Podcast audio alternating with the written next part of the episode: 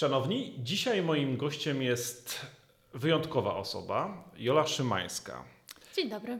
Ale chciałbym zacząć od tego, abyś sama się zdefiniowała. W zasadzie, kim jesteś? Gdybyś miała się opisać w trzech słowach, to, to co ty robisz? E, to jest dobre pytanie. Dzisiaj właściwie sobie zadawałam i zastanawiałam się nad tym, myśląc o tej naszej rozmowie. I pierwsze, co przyszło mi na myśl, to twórczynią internetową e, jestem. E, jestem youtuberką oczywiście i bywam dziennikarką. Jak to się stało, że stałaś się youtuberką? Czy to było tak, że przypadek sprawił, że zaczęłaś interesować się siecią, wrzucać tam swoje filmy i nagle zobaczyłaś, że to działa? Czy też to jest strategia przemyślana, za którą stoi sztab ludzi niemalże jak sztab e, kampanijny za jakimś politykiem? To znaczy, to nie był przypadek, ale także nie jest to jakaś przemyślana koncepcja, strategia i myślę, że to jest bardzo spontaniczna droga, też wynikająca z różnych rzeczy, które się dzieją wokół, e, ale internet był dla mnie zawsze czymś ciekawym i tworzenie. No, pamiętam nawet z informatyki strony, internet, tworzenie stron internetowych w liceum to było dla mnie coś fascynującego i bardzo lubiłam to robić. To była dla mnie czysta przyjemność, łączyła się z graficznymi skillami różnymi, więc to lubiłam. Od kiedy też e, dorwałam aparat, dostałam pierwszy aparat e, bodaj od mojego taty wtedy, robiłam bardzo dużo zdjęć i nagrywałam filmy. E, więc nawet już kiedy miałam, nie wiem, 14-15 lat. I to są już jakieś zamierzchła, zamierzchła era. Ale dzisiaj nigdy nie spodziewałam się, w ogóle nie myślałam tego o swojej przyszłości, ale, ale dzisiaj, kiedy o tym myślę, to dosyć zabawne się wydaje i rzeczywiście po prostu to zawsze lubiłam. Mm, I kiedy się odważyłam tworzyć e, jakiegoś swojego pierwszego bloga, a potem drugiego, e, w końcu przyszedł moment, że ta publiczność zaczęła się zwiększać, czym byłam nieco zdziwiona, ale skoro ona zaczęła się zwiększać, to, to mnie trochę motywowało do tego, żeby rzeczywiście te wpisy e, publikować, a w końcu także założyć swój kanał wideo. no dobrze, ale były... jeżeli oglądają Cię rodzice, dziadkowie, stryjowie, skończyłaś prawo, czyli masz fach w dłoni i nagle widzą, że głównie siedzisz w internecie, prawda? Nie mówią, córuś, kochana, co ty robisz? Masz fach w ręku, a ty tutaj się bawisz w nagrywanie jakichś filmików. E, prawo to nie jest fach w ręku, więc może ułatwiło tę sprawę, bo nie poszłam na aplikację po studiach a realia i rzeczywistość absolwenta prawa, czy mhm. osoby wybierającej się na aplikację, a także aplikanta jest dramatyczna. Także ta sytuacja finansowa i rynek w Krakowie jest bardzo, bardzo trudny i żeby e, pracując w kancelarii e, zarabiać te 1500 zł wymarzone, no, jest to trochę złapanie Pana Boga za, e, za nogi. O Bogu I, jeszcze będziemy mówić. E, tak. Ja jakoś podjęłam w końcu decyzję, że chyba nie jest to tego warte, bo widziałam, że nakład pracy, którą inwestuję, cała, całe ja inwestuję wszystko w mm, kolejne staże w kancelariach i ciągle słyszę, że no może um, zaczną mi płacić po kolejnych trzech miesiącach, a może po kolejnych trzech miesiącach. I jakby um, ja nie miałam zaplecza finansowego mojej rodziny, więc to um, było dla mnie niezwykle frustrujące, dlatego chyba dlatego zaryzykowałam zejście jakby z tej drogi i stwierdziłam, że no nie do końca chcę, żeby tak wyglądało moje życie ale e, też może, e, może to ułatwił fakt, że mm, dużo wsparcia miałam z mojej najbliższej rodziny, a, a mam ją bardzo małą, więc nie mam żadnych wujków, cioć, stryjów mhm. E, i tak dalej, więc mm, mama i bracia bardzo mnie wspierali. Jesteś osobą skrytą? Ciężko mi powiedzieć. Bo to, co robisz, wiąże się z odkryciem, z pokazaniem dużej części swojego życia prywatnego, kiedy podglądałem to, co robisz, to wpuszczasz, jeżeli mogę tak powiedzieć, e, no, obcych jednak ludzi do swojego domu, do swojego życia, do swojej świadomości. Czy to sprawiało ci kłopot? E, czy jest kłopotem? Czy też uznajesz, że to jest element e, bycia właśnie mm, youtuberką? To jest wybór. To jest wybór, za który ponosi się odpowiedzialność, za który płaci się cenę, e, czasem większą, czasem mniejszą. Mm, ale to nie jest tak, że wpuszcza się bezwiednie i wpuszcza się wszędzie. E, ja byłam zawsze bardzo uważna i chociaż rzeczywiście tematy, które poruszałam, no, są często intymne i są często bardzo osobiste, to to były bardzo wybrane i bardzo świadomie wybrane e, fragmenty tej intymności i, i prywatności. Mm, I też tak naprawdę w ciągu lat to się zmieniało, bo coraz bardziej poznawałam siebie i to i, i potrafiłam zdiagnozować, które miejsca rzeczywiście są dobrymi miejscami do podzielenia się, a które nie do końca. Więc jakby to była też taka droga ym, ciekawa i nieoczywista, ale tak cały czas się zastanawiam, na ile to jest. Wiem, że z zewnątrz wydaje się to bardzo e, bardzo coś specyficznego, jeżeli samemu się nie, nie działa w ogóle w internecie. Mm, u mnie to działało trochę, y, po pierwsze tak, że dla mnie dzielenie się czy mówienie o tym, co myślę, działa uwalniająco, a nie zakleszczająco, bo wiem, że wiele osób ma takie mhm. doświadczenia, że dla nich dzielenie się tym, co myślą, powoduje jakiś wewnętrzny skurcz i lęk. Y, mi pomaga poradzić sobie z lękiem, okay. bo bardziej kiedy nie mogę mówić, to budzi to we mnie y, lęk. Um, a, drugą rzecz zapomniałam chyba. To ja Ci pomogę w takim razie. Rzucę most, abyś mogła przejść po nim, a mianowicie jak zaczęła ta wspólnota Twoja powstawać, jeżeli mogę tak powiedzieć, bo to jest jakiś rodzaj wspólnoty wirtualnej, która Cię ogląda, słucha, komentuje Twoje mm, wpisy czy mm, vlogi, to mm, miałaś poczucie, że to są ludzie, którzy dzielą Twoje wątpliwości, Twoje przemyślenia, czy też to są ludzie, którzy właśnie mają problem z tym otwarciem, e, którego Ty e, nie masz? Jak na to patrzysz? Hmm. E, nie byłam w stanie tego zbadać na pewno i widziałam, że jest różnie. To znaczy, nie tworzyłam tego miejsca z takim przeświadczeniem, że wszyscy będą myśleć tak samo jak ja. Bardziej z takim, że chciałabym się z kimś podzielić i może ktoś myśli podobnie, ale um, też to było tak, takie moje marzenie o miejscu, w którym będę mogła swobodnie mówić, e, co myślę, o swojej po prostu perspektywie. Mhm. Um, później się okazywało i, i, zobaczyłam, jak różnie można reagować na to, um, jakie reakcje, jak na mnie wpływają i jak potem ja sobie mogę albo nie mogę z tym poradzić. No więc to były już mm, kolejne, kolejne sprawy. Jednym z elementów, który wyróżniał Cię, przynajmniej do tej pory, była kwestia mówienia o wierze, o religii, o kościele.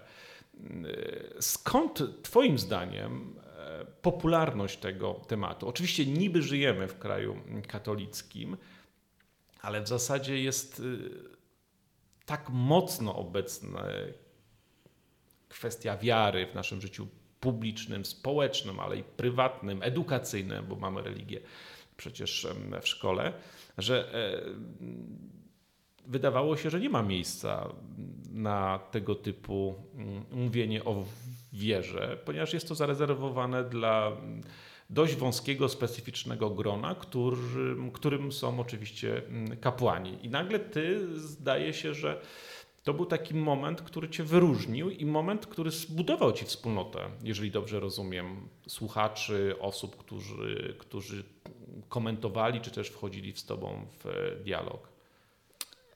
Ja nigdy nie miałam poczucia, że to księża mają jakąś e, swoją wyłączną, e, wyłączny mandat do, do mówienia na tematy wiary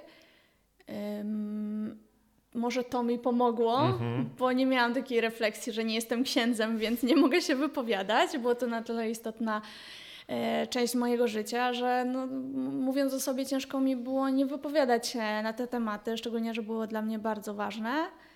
Mm, E, czy z tego się zbudowała jakaś wspólnota?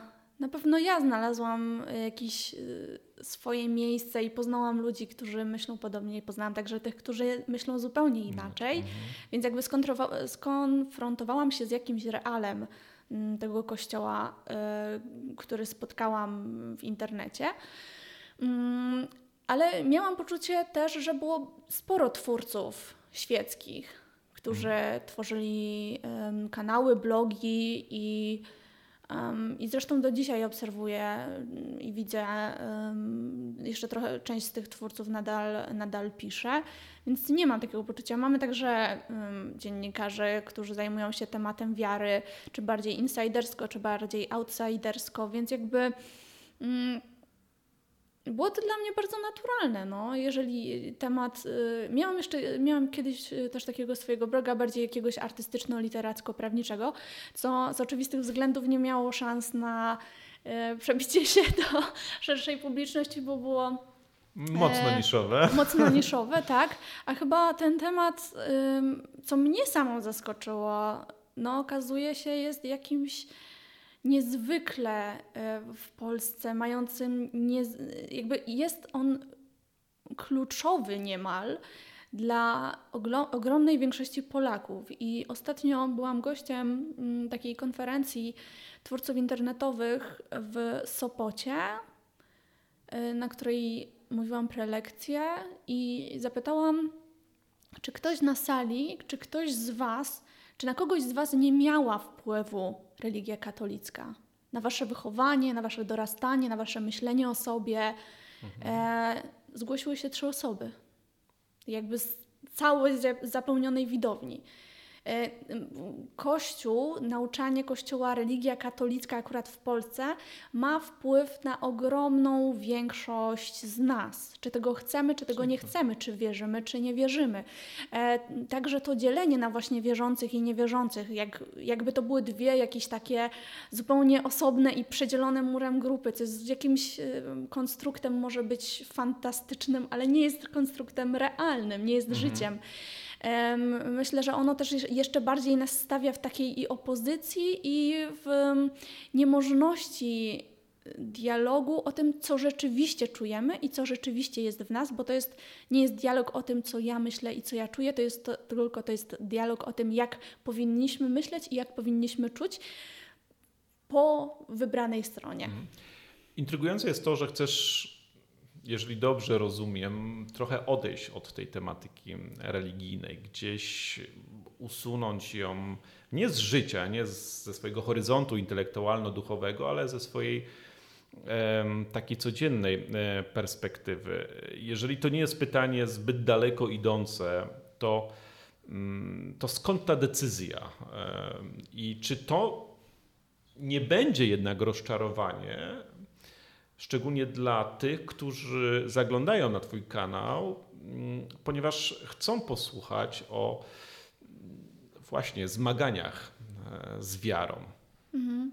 Rozczarowanie nie będzie, bo rozmawiam o tym z widzami od dawna, od wielu miesięcy. Jeżeli ja mam w głowie te dwa lata ostatnie, kiedy rzeczywiście to zaczynam stopniowo e, komunikować, to odejście od tych tematów I jest, był to bardzo żywy też temat na moim Instagramie i na kanale także, w, w grupie moich patronów, więc um, dostaję od nich bardzo dużo wsparcia też w mhm. tym, też od moich przyjaciół. Właśnie dzisiaj przyjaciel mi mówił, że oglądał film, w którym e, mówię o tym, że podjęłam taką decyzję, że już nie będę na swoich kanałach wypowiadała się na temat e, wiary ani Kościoła katolickiego. Nie mówię. Mm, zupełnie abstrahując od tego, co się mm, od mojego prywatnego nastawienia czy ono jest pozytywne, czy negatywne i na ile w którą stronę. Bo jakby fajnie poznać, że można żyć w komforcie, w którym może to pozostać dla mnie po prostu. Mm, I gratulował mi tej decyzji i, i to jest super, że mam takie wsparcie i to jest ogromne wyróżnienie, bo też po tym poznaję, że naprawdę moja widownia to jest dojrzała widownia. To znaczy to mhm. są ludzie, którzy nie oglądają mnie dla prostych haseł i którzy widzą też moją drogę, którzy widzą, że jakby moja szczerość i autentyczność, jakby te, te lata trochę pracy na to, no widzę, że że, że wreszcie mam wokół siebie widzów, którzy nie jakby którzy mi ufają po prostu, którzy tą szczerość jakoś docenili. Czy czujesz się przewodniczką duchową swoich Nie, nigdy, nie, nigdy, nie. nigdy, nigdy. Podkreślałam to od pierwszych filmów, ponieważ ostatnio jakiś ksiądz zarzucał mi, że robię z siebie autorytet duchowy. Podkre- I sprawdziłam to nawet. Dobrze, ale nie odpowiedziałeś mi na to pytanie kluczowe, to znaczy skąd ta decyzja? Skąd? Nie po prostu chcesz mm-hmm, odpocząć, mm-hmm, zbyt to jest angażujące emocjonalnie? Yy, to jest niszczące. Niszczące? Po prostu, tak, niszczące. Dlatego, że dla mnie osobiście, dlatego, że niemal przy każdym temacie trudniejszym, które podejmowałam i spokojnie wypowiadając się, posiłkując się źródłami, które zawsze linkuję w opisach, e, które jako jedyny chyba twórca, który podejmuje tematy wiary, bo nie, spotkałam się z tym w ogóle w sieci, żeby ktoś uzasadniał swoje zdanie jakimiś konkretnymi odniesieniami do konkretnych źródeł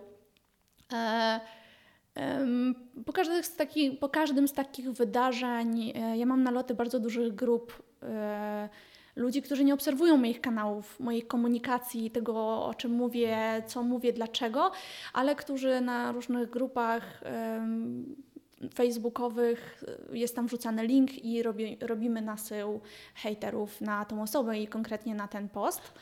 I jakby to można, można sobie wyobrazić, że to można zignorować, ale za którymś razem, właśnie ostatnio miałam w zeszłym miesiącu taką sytuację, 150, mniej więcej zliczyłam 150 kont to było, które przyszły na mój jeden post, w którym udostępniałam wywiad z siostrą Gramik, zresztą mhm. no, bardzo ciekawą kobietą. E, Czego dotyczy ten wywiad? W jej duszpasterstwa wśród osób LGBT. Mhm. E, temat trudny, ale no, kto jak nie ona może się w nim wypowiedzieć, prawda? E, I coś we mnie pękło i stwierdziłam, że nie, że ja tego po prostu nie muszę znosić. Mhm. Ja jakby koszt mój psychiczny, osobisty jest bardzo duży. E, I, i bardzo się cieszę z tej decyzji, bo, bo to jest dla mnie odwaga trochę zawalczenia o siebie. Ja od sześciu lat znoszę te ataki i e, nie, nie, tylko różne e, rzeczy mówione o mnie, ale takie personalne. To, to, nie są hejty, jesteś gruba albo jesteś brzydka, prawda? Bo to jest śmieszne. To są takie. Ale też nieprawdziwe. Dziękuję. E, ale to są takie. Dla mnie to odtwarza różne traumy, które ja mam ze swojego życia, ponieważ wychowałam się w przemocowym środowisku i także doświadczyłam przemocy w hmm. ramach w kościele, w kościele jako dziecko, jako nastolatka. Więc dla mnie to, to nie jest czcze gadanie. Dla mnie to jest bardzo, bardzo konkretne i bardzo e, jakby niszczące e, doświadczenie. I zdecydowałam, że nie jest to, nie jest to warte tego. Po prostu Granie dla mnie jest wartość świeczki. Tak, tak, zdrowie psychiczne jest zdecydowanie ważniejsze niż mówienie o wierze w kościele, tak? czy w internecie, czy w ogóle mówienie Ksiądz o wierze. Tischner powtarzał zawsze, którego mm, jestem uczniem, że jeżeli religia nie wyzwala, jeżeli nie sprawia, że czujesz się w niej dobrze, że pomnaża dobro, to w zasadzie powinno się z niej mm, wyjść to nie jest Twój przypadek, ale to jest przypadek raczej tych hejterów, którzy mm, nachodzą e, osoby, które żyją Ewangelią. I mm, ale oni no, nie są w stanie tego zweryfikować. Nikt nie jest w stanie zweryfikować. Jasne, nie? jasne. Natomiast e, no, z racji tego, że sam mm, uprawiam publicystykę e, społeczno-religijną, to też wiem o czym, o czym mówisz, prawda? Że, że jeżeli nie jesteś Polakiem, katolikiem, białym, białym i heteroseksualnym, to w zasadzie nie jesteś e, e, katolikiem. Ale w takim razie zostawmy to. Na koniec jeszcze chciałbym porozmawiać o mm, życiu offline i online. Mhm. E, czy to jest życie realne, Twoim zdaniem? To znaczy ten kontakt w sieci, rozmowy w sieci, czy to jest Mm, rodzaj zabawy, którą się podejmuje, gry z widzem, czytelnikiem, e, mm, a jeszcze fantastycznie, jak się przekłada to finansowo. E, no to jest życie realne, dlatego że ma realny wpływ to, co robimy w sieci, ma realny wpływ na ludzi. No, chociażby ten hejt ma realny wpływ na mnie, tak? To Mhm. jakby nie jest dla mnie jakaś fairy tale, czy nie jest jakieś No tak, ale zawsze możesz, To jest, to jest wiesz, realne. masz delayed przycisk i koniec, tak? To nie jest właśnie takie proste, Mhm. ale, ale y, tak, że kiedy publikujemy treści, kiedy opowiadamy o czymś w internecie, to tak samo jak opowiadamy na spotkaniu autorskim i tak dalej, y, mamy wpływ na ludzi, to znaczy może, możemy im o czymś opowiedzieć, z czego na przykład nie do końca sobie zdawali sprawę, o czym nie wiedzieli. Możemy porozmawiać wreszcie, oni mogą o coś zapytać, y, możemy o tym podyskutować, więc no, przez, przy, teraz przesiewając w głowie różne em, wiadomości, które dostaję, nie wiem, maile, no to jakby ja, ja nie mam takiej wątpliwości, czy to jest realne, czy to nie jest realne, bo to jest niezwykle realne.